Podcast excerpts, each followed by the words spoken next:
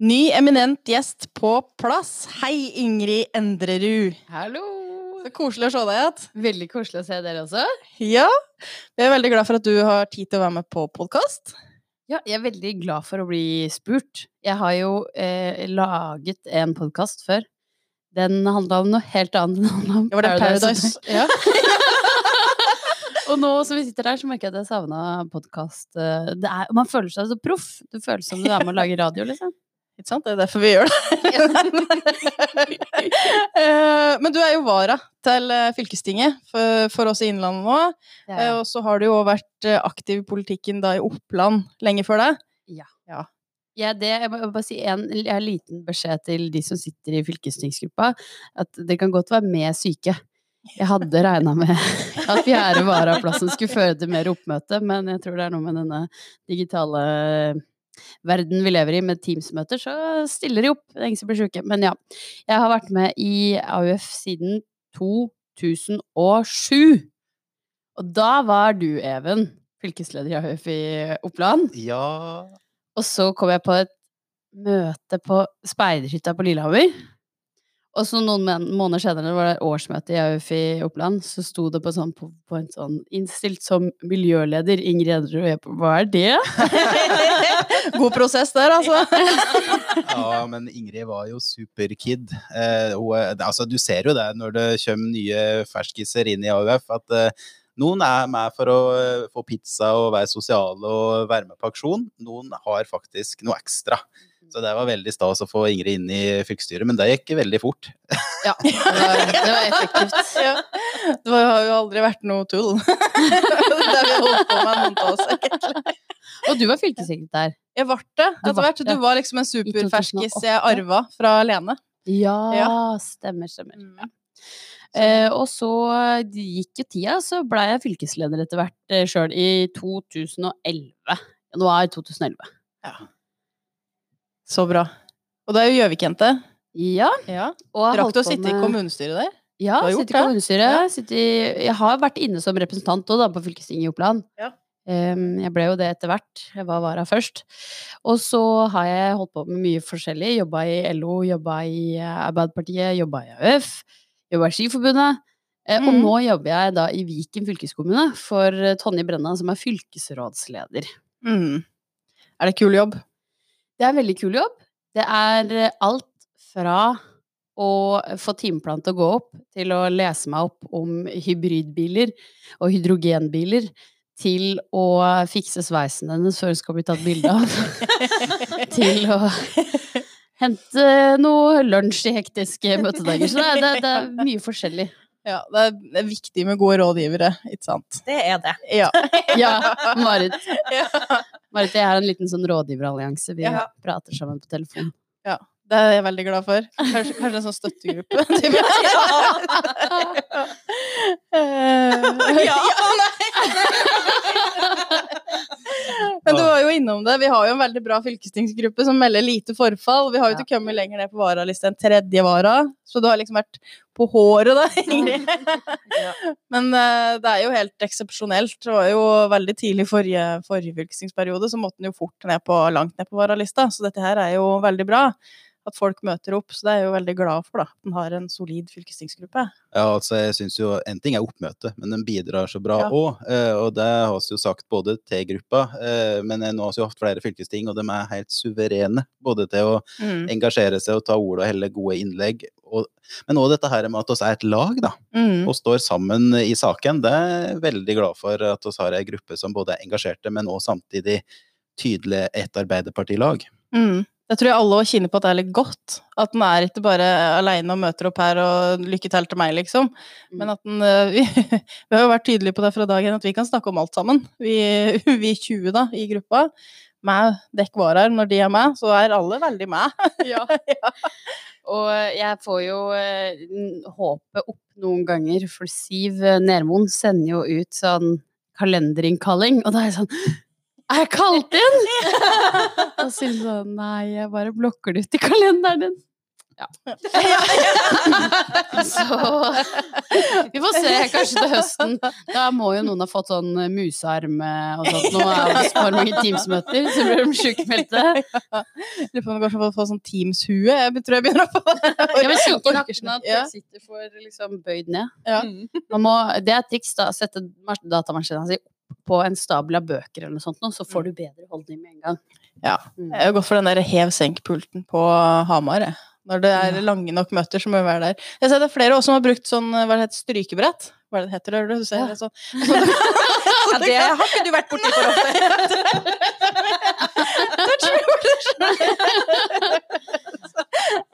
Nei, hev senkpult, det har vi ikke her i Viken fylkeskommune. Men uh, kanskje jeg kan ordne meg et strykebrett. Et lite tips der, altså, hvis noen, noen begynner å få dårlig nakke. Innlandet så gjør vi det sjøl, hvis det ikke mønsteret funker. Eh, Men du nevnte det jo så, så vidt, Ingrid, at du var jo da fylkesleder i 2011. Og du var jo da fylkesleder fra AUF i Oppland når det var 22. juli eh, 2011, og vi fikk jo da det, det å håndtere eh, som fylkesleder. Og så gjorde du jo det veldig godt, da. Jeg må jo si det, en blir jo sånn der litt stolt mor på sida når det har vært superferskisen din som opplever noe skikkelig grusomt, Ja. men som bare blir voksen da, og bare står i det og, og har gjort det sida, egentlig. Du har jo involvert deg i masse prosjekter rundt og i ettertid. Du satt jo i sentralstyret til AUF, eh, og like etterpå. Eh, så dette her vil jeg jo gjerne høre litt om, da. Ja. Um, det var jo uh, Jeg hadde jo vært fylkesleder et halvår. Uh, og vi hadde jo hatt uh, slitt litt med rekrutteringa den våren, men var på en måte fornøyd at vi hadde klart å stable på plass et lag med folk som, som var med og utgjorde Opplandsdelegasjonen.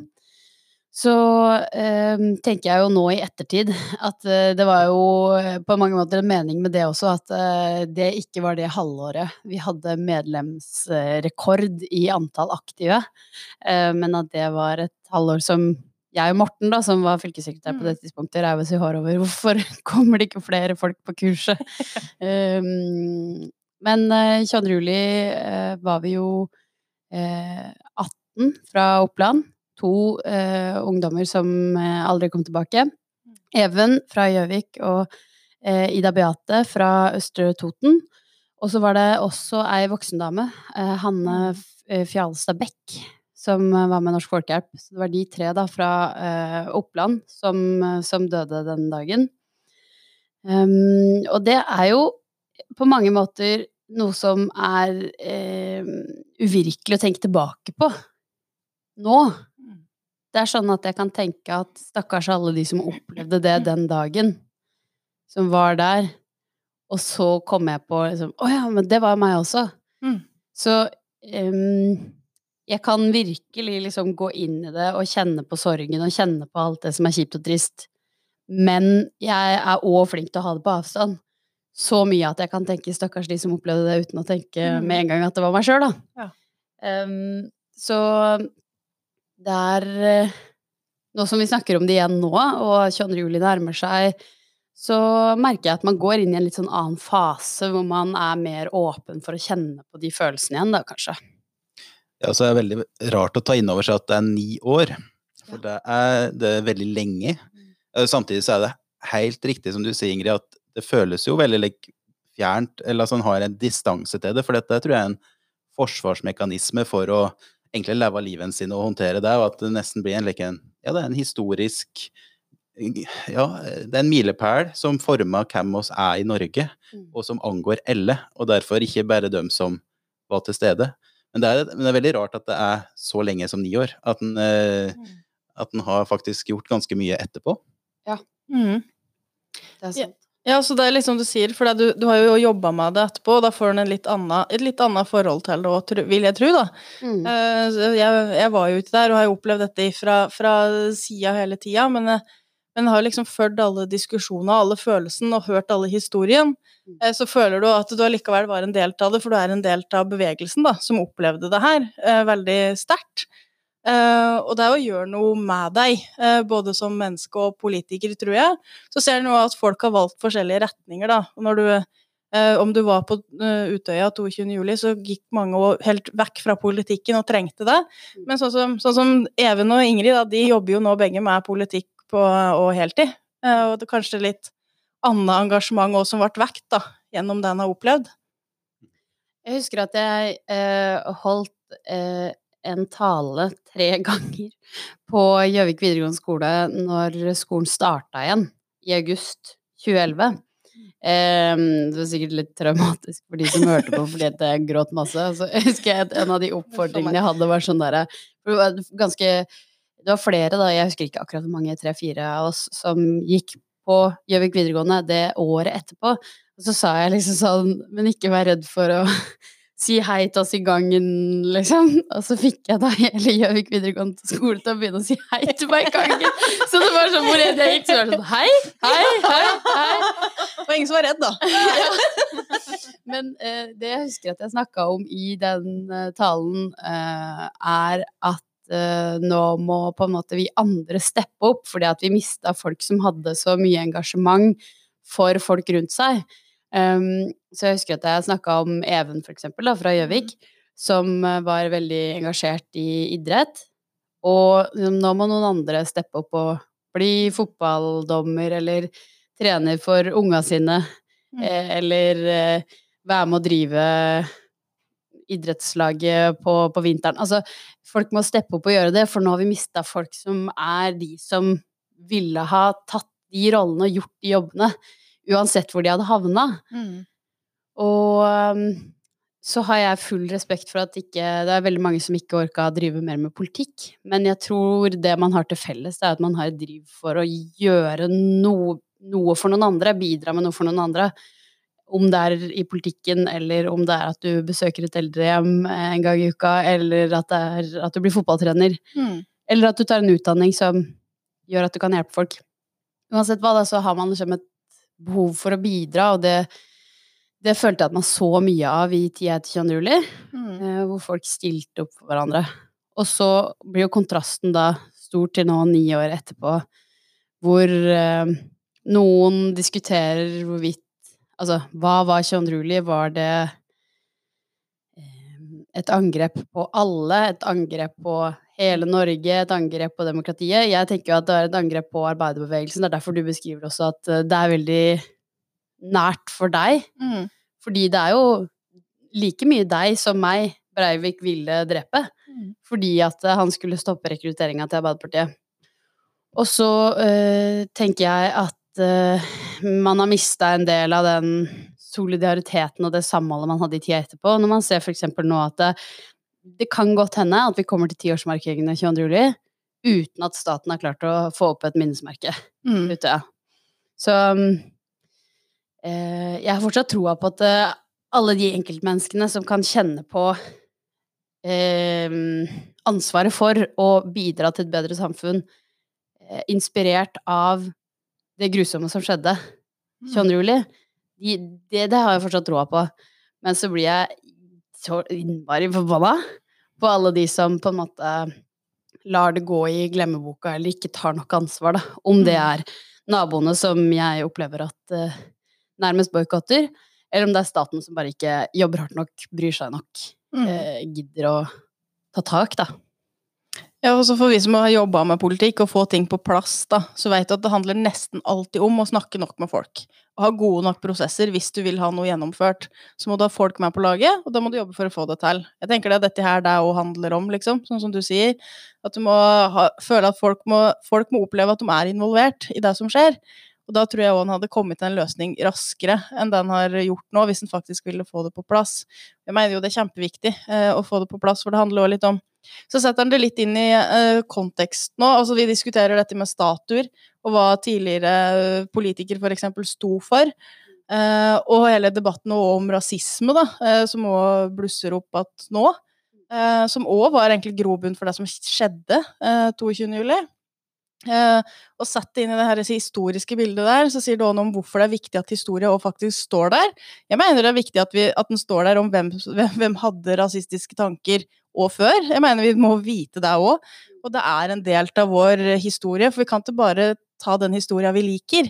Eh, når vi skal lære det til våre unger, eh, så må vi vise fram alt. Eh, og det handler egentlig òg 22. juli om, for det er jo ingen som liker at det skjedde, men det skjedde. Og da er vi nødt til å formidle det til dagens barn og unge, da, som, som ikke opplevde det. For, for vi, altså vår generasjon, da opplevde det, men det kom jo nå som begynner å bli voksne, da. eh, Ungdommer også som ikke har det samme forholdet til hva som skjedde eh, 22. juli.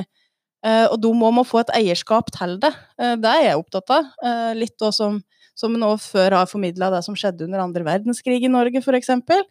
Men du må òg få hele bildet, og hva som faktisk lå bak det som skjedde. Så Derfor så mener jeg det er viktig at dette her eh, skjer, og at det faktisk kanskje går over ti år før det skjer. Det syns jeg jo er eh, ja, ikke en stat som Norge verdig, rett og slett. Mm. Nei, Jeg er helt enig. Og det er jo mange ledd i det der å minnes. Man har jo sagt på Utøya at uh, nye Utøya, da, når uh, etter Eller man kan vel kanskje ikke si at man er helt ferdig noensinne med gjenreisningsarbeidet, men det er noe som foregår hele tiden, da. At det er tre pilarer. Det skal være et sted for å minnes, det skal være et sted for å lære, og et sted for engasjement. Og engasjementsdelen, det er jo at nye AUF-ere skal få lov til å komme tilbake på sommerleir og eh, være lykkelige og glade ungdommer og bade og lære om politikk og flørte og i det hele tatt. Og læringsdelen handler om at man eksempel har bygget et sånn eh, Heinhuset, kalles Mm. Hvor eh, det var en kjempebetent sak. Skal vi rive, eller skal vi beholde kafébygget? Eh, jeg var en av de som ville rive det.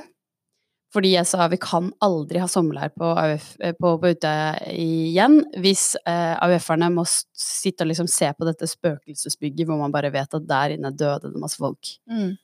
Og så var det andre som sa vi kan ikke rive det, fordi blant annet eh, 9-11 9/11 Memorial i New York lærte oss at eh, konspirasjonsteorier, den viktigste årsaken til at det oppstår, det er når spor Mm. slettes. Og det er bare der inne det er kulehull i veggene. For trærne leges jo. Mm. Så der ser du ingen synlige skader lenger. Det er kafébygget. Og så klarte man å lage en, eh, et kompromiss. Det var et arkitektkontor som vi brukte, og har brukt i utforming av minnesstedet på, på Utøya også, som sa men hva om vi, hva om vi faktisk gjør halvparten av hver? Mm. Vi river noe av det, og så bygger vi det inn. Så det er bygget inn eh, med eh, 77 eh, Nei, unnskyld, 69 bærende søyler for alle de som ble drept på Utøya. Det var 77 totalt.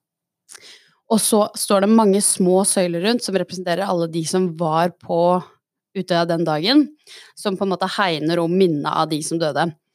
Og der kan jo eh, skoleklasser dra, lære, Mm. Eh, man har mye ulike internasjonale grupper på besøk der for å lære om hva som skjedde den dagen. Um, så det er den andre, andre pilaren. Og den tredje pilaren, det er å minnes. Og da tenker jeg at det er ganske utrolig at AUF, som er drevet av ungdommer, liksom, Mm. har klart å få på plass et minnesmerke. Det var uh, 2015 kom det på plass. 2014 Nei, Nå husker jeg ikke årstallene helt, men cirka da. Det har fått eh, internasjonale priser. Mm. Det har fått så mye skryt og anerkjennelse. Og det er det ungdommer som har klart å stable på beina og få til å ordne. Men staten Norge klarer ikke å, ikke å få det til. Og det som, det som ikke så mange vet, tror jeg, det er at det forslaget til minnesmerke som foreligger nå, på Utøyakaia, det har kommet til fordi AUF sa vi skal bidra med en løsning. Mm. Vi gir bort en del av vår grunn, vår eiendom, til minnesmerket.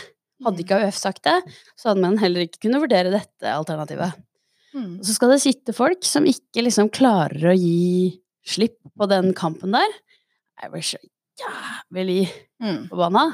Er det lov å si det? Ja. Alt er lov her. Det er Dette er terapi. Ja. Ja, her skal Det er min klikk om dagen, altså. Ja, ja, for det, det er veldig tydelig for meg at den som har vært den voksne i denne debatten her, er jo AUF. Og jeg syns jo de som har vært løsningsorienterte, er jo de som er sterkest berørt. Det har vært støttegruppa og de pårørende, og det har vært Mm. AUF sjøl med ungdommen som har gått framfor og tatt grep. Og det er jo kjempeimponerende det som har skjedd på Utøya i løpet av disse ni årene, og egentlig ganske fort begynte å, å skje, og blant annet med ja, Ingrid i en sentral rolle, og så har det jo vært noen fantastiske primusmotorer her. altså Jørgen Frydnes, Jan Ja. Christian Vestre. eh, Det er jo folk som har jobba med dette her eh, på en helt suveren måte, og da er det den kontakten med folk, med dem som er berørte, som gjør at det går an å finne gode løsninger. Sjøl om det kanskje ikke er det som en primært tenker er fornuftig. Det som oss eh, gjorde i slutten på perioden i Oppland, var jo at vi tok med fylkesutvalget til Utøya for å vise Ja. dem nettopp det her, og det er jo Mm. ja, og da ser en jo at dette her er jo ikke det er ikke noe som bare berører oss fordi at oss kjenner historia på Utøya og arbeiderbevegelsen, men det, det får jo fram eh, tårene i øyekroken fra SV til Høyre på en måte, fordi at her er det engasjerte folk, og en ser prisen på det å ha engasjert seg, da, som Mm. dette her er. Så, så jeg tenker at vi skal være stolte av det som har vært gjort på Utøya, og, og være med og synliggjøre det for flere. Og det at en tar med seg skoleklasser ut dit og lærer om demokrati, må jo være noe av det eller eller fineste en kan gjøre. Mm. Ja, det håper jeg jo at mine unger får eh, oppleve, og at det er noe som blir eh, helt vanlig for alle å gjøre. Eh, og så, det var jo også sånn at den alltid altså, Jeg tror alle, eh, de som var med fra fylkesutvalget, som aldri hadde vært på Utøya før, grudde seg veldig eh, når vi skulle dit. Og jeg husker det jo sjøl, og jeg var jo av dem som så raskt det var mulig å besøke Utøya etter det her. Så at jeg må bare gjøre det, for du må bare komme over den kneika om at Utøya er fæl, for det er jo alt annet enn det Utøya er. Eh, det er jo liksom det fineste på jord. Eh, så der, der var jo jeg veldig raskt ute med for min, min greie, da. Eh, men de som da aldri hadde vært der før, da mange år etterpå første turen over, grudde seg ordentlig, eh, for de var ikke helt sikker på hva dette var. Men det hegnehuset, det gjør sterkt inntrykk. Både når du har, har vært der før og så hvordan dette gamle bygget var, men også for dem som aldri hadde vært der før, å se historia og den tidslinja og hele greia som er laga der. Jeg anbefaler jo alle som, som vil, og egentlig er litt nysgjerrig, men også litt redd, eh, om å gjøre det. Eh, for jeg syns det hjelper, da. Eh, og det hjelper jo alltid å snakke om det.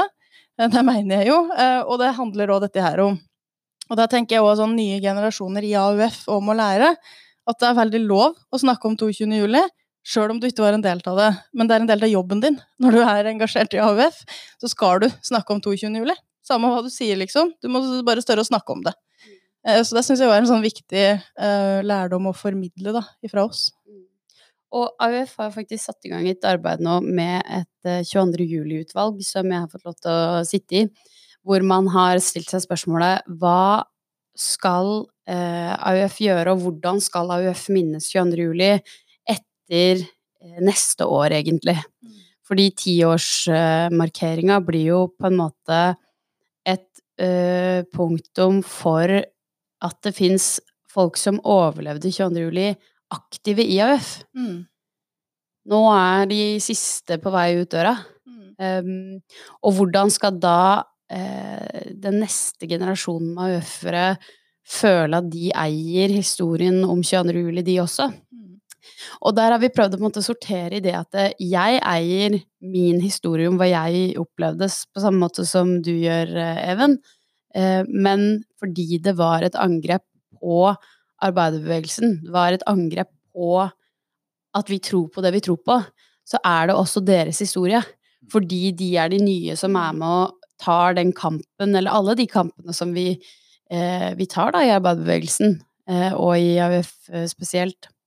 Eh, og så er det en anerkjennelse av eh, Jeg syns eh, Sandra Bruflot, hun som leder Unge Høyre, hun sa det veldig fint på Unge Høyre sin sommerleir for et par år siden. At jeg får kanskje stygge meldinger i innboksen, og folk som sier at jeg enten sier noe dumt eller ser dum ut, eller Men eh, forskjellen til AUF er at dere får drapstrusler. Og det er det jeg føler at er så fint, da. At vi har også uh, kollegaer i andre ungdomspartier som Mm. er med og anerkjenner. For det er ganske mange som ikke anerkjenner at det faktisk er Altså, det er ikke en 22. juli var ikke en naturkatastrofe. Nei. Breivik hadde ikke dratt hvor som helst ellers og drept folk. Han skulle drepe oss fordi han skulle stoppe rekrutteringa til Arbeiderpartiet. For jeg mener at alt det vi står for, er liksom galt. Mm. Og den kampen, den kommer AUF-ere i all fremtid til å eie, fordi man blir jo aldri ferdig. Det er som, det er som kampen for likestilling. Kan aldri Mm. slutte, må alltid fortsette. For hvis ikke så faller man tilbake. Mm. Samme gjelder kampen mot høyreekstremisme. det fins alltid de som vil liksom splitte opp samfunn, som vil rangere folk etter ulike grupper. Fordi det er mange som tjener på at man skal hate istedenfor å leve sammen, liksom. Så den derre Det er en evig kamp. De skal, de skal, de skal få lov til å Ja. Vi, det vi har jobba med da, i det 22. juli-utvalget, er hvordan skal de få lov til å eie den politiske kampen det faktisk er, da, mot Mm. høyreekstremisme, uten at vi skal overlesse de med oppgaver om å gå på gravsteiner, for det, Ja. det er det oss som skal gjøre, som kjente folk. Ja, for det, det, det handler om veldig mange ting. Eh, og jeg, jeg er jo veldig opptatt av at du sier om at det var ikke en natur, naturkatastrofe. Det var en faktisk person som gjorde et bevisst valg for hva han gjorde.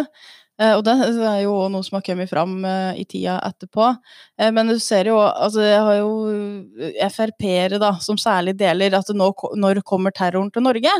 Ja. Da blir jeg forbanna. Da kjenner jeg at da går rullegardina mi rett og slett ned. For den terroren, den har vært i Norge. Eh, og den er det veldig mange som har kjent tett på kroppen. Du kan ikke stå og spørre deg når den kommer til Norge. Og da handler det ikke om å dra noe som er et slags kort. Det handler om fakta. Og det må faktisk alle ta inn over seg. Så det er da jeg òg kjenner det begynner liksom å prikke i huet, som jeg sier. At det, det, nå er det nok. bare, bare skjerp seg. Eh, dette har vært her, og, og, og det er her, da, på en måte. Altså disse tanken om uh, å gjøre hverandre vondt, da. Eh, de fins og i samfunnet i Norge. Eh, fra både den ene og den andre leiren, helt sikkert. Eh, men det, det er ikke sånn at det ikke har vært terror i Norge, fordi det ikke var, var islamister som sto bak. Ja. Men du har jo òg vært med og medvirka til en fantastisk film, Ingrid. Altså, jeg grudde meg òg for å se den, da. Det må jeg jo si. Men jeg gikk jo da av alle ting og sånn aleine, men det gikk veldig fint. Uh, for det var jo sånn jeg bare måtte gjøre det. Jeg er sånn som bare må trøkke gjennom 'nå har jeg tid, nå må jeg gjøre det her'. Uh, men det var jo uh, en veldig stor jobb, egentlig, å være med og bidra til den. Ja, det var um, eh, Altså, både var det viktig Jeg følte at jeg tok på meg et ansvar på vegne av ganske mange.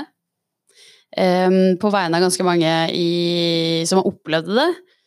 Uh, og det var òg innmari skummelt, ikke sant. Tenk om vi kom ut i andre enden, og de sa Nei, det her Det er jo helt feil. Um, men det finnes jo mange filmer om 22. juli, så bare for å rydde litt i det Dette er da Erik Poppe sin film, som handler om akkurat de minuttene som angrepet varer. Uh, så fins det mange andre bra serier NRK har laget. Uh, Mm. Eh, jeg har ikke sett Netflix sin, men det fins jo mange forskjellige. Men denne handler om måte, hva var opplevelsen. Og det var egentlig det, det som var viktig for meg å være med på å fange, fordi at eh, det fins eh, 700 eller noe sånt noe, ulike historier eh, for, hva som Mm. skjedde med ulike mennesker som var på eller rett ved øya den dagen. Men eh, og, og målet var aldri å lage en historie om som, som, som forteller alles historie. Mm. Målet var å fortelle en historie som viser øh, hva vold gjør, da. Hva sånn vold fører til. Mm. Um, og en historie som skulle på en eller annen måte være gjenkjennbar for de som hadde vært der. Så ingen skulle si 'det er akkurat min historie', men uh, jeg kjenner meg igjen i deler av dette. Mm. Så mm, det var Og så var det selvfølgelig også spennende å komme inn i en verden av film som jeg aldri hadde Mhm. sett noe til. Men um, jeg er glad for at uh, filmen øh, ble som den ble, og ble så godt mottatt. Jeg har lyst til å bare si en ting om det. fordi at uh, det har jo vært, som du sier, flere innganger på det. Og en kan jo altså dette med samfunnsdebatten og egentlig sett litt utenfra, så, så kan mange liksom kjenne seg at det er, men akkurat den historien, som er så unik, den er veldig godt skildra. og veldig realistisk, sett fra mitt ståsted. Så eh, anbefales eh, veldig å se den filmen hvis en ønsker å sette seg inn i den sida av historien. Så det er imponerende arbeid. Mm. Tusen takk, Ingrid, for det du har bidratt med, og der, og at du hadde tid til å være med oss på pod. Det setter vi kjempestor pris på, og vi setter stor pris på deg. Å, takk. Jeg setter pris på dere òg.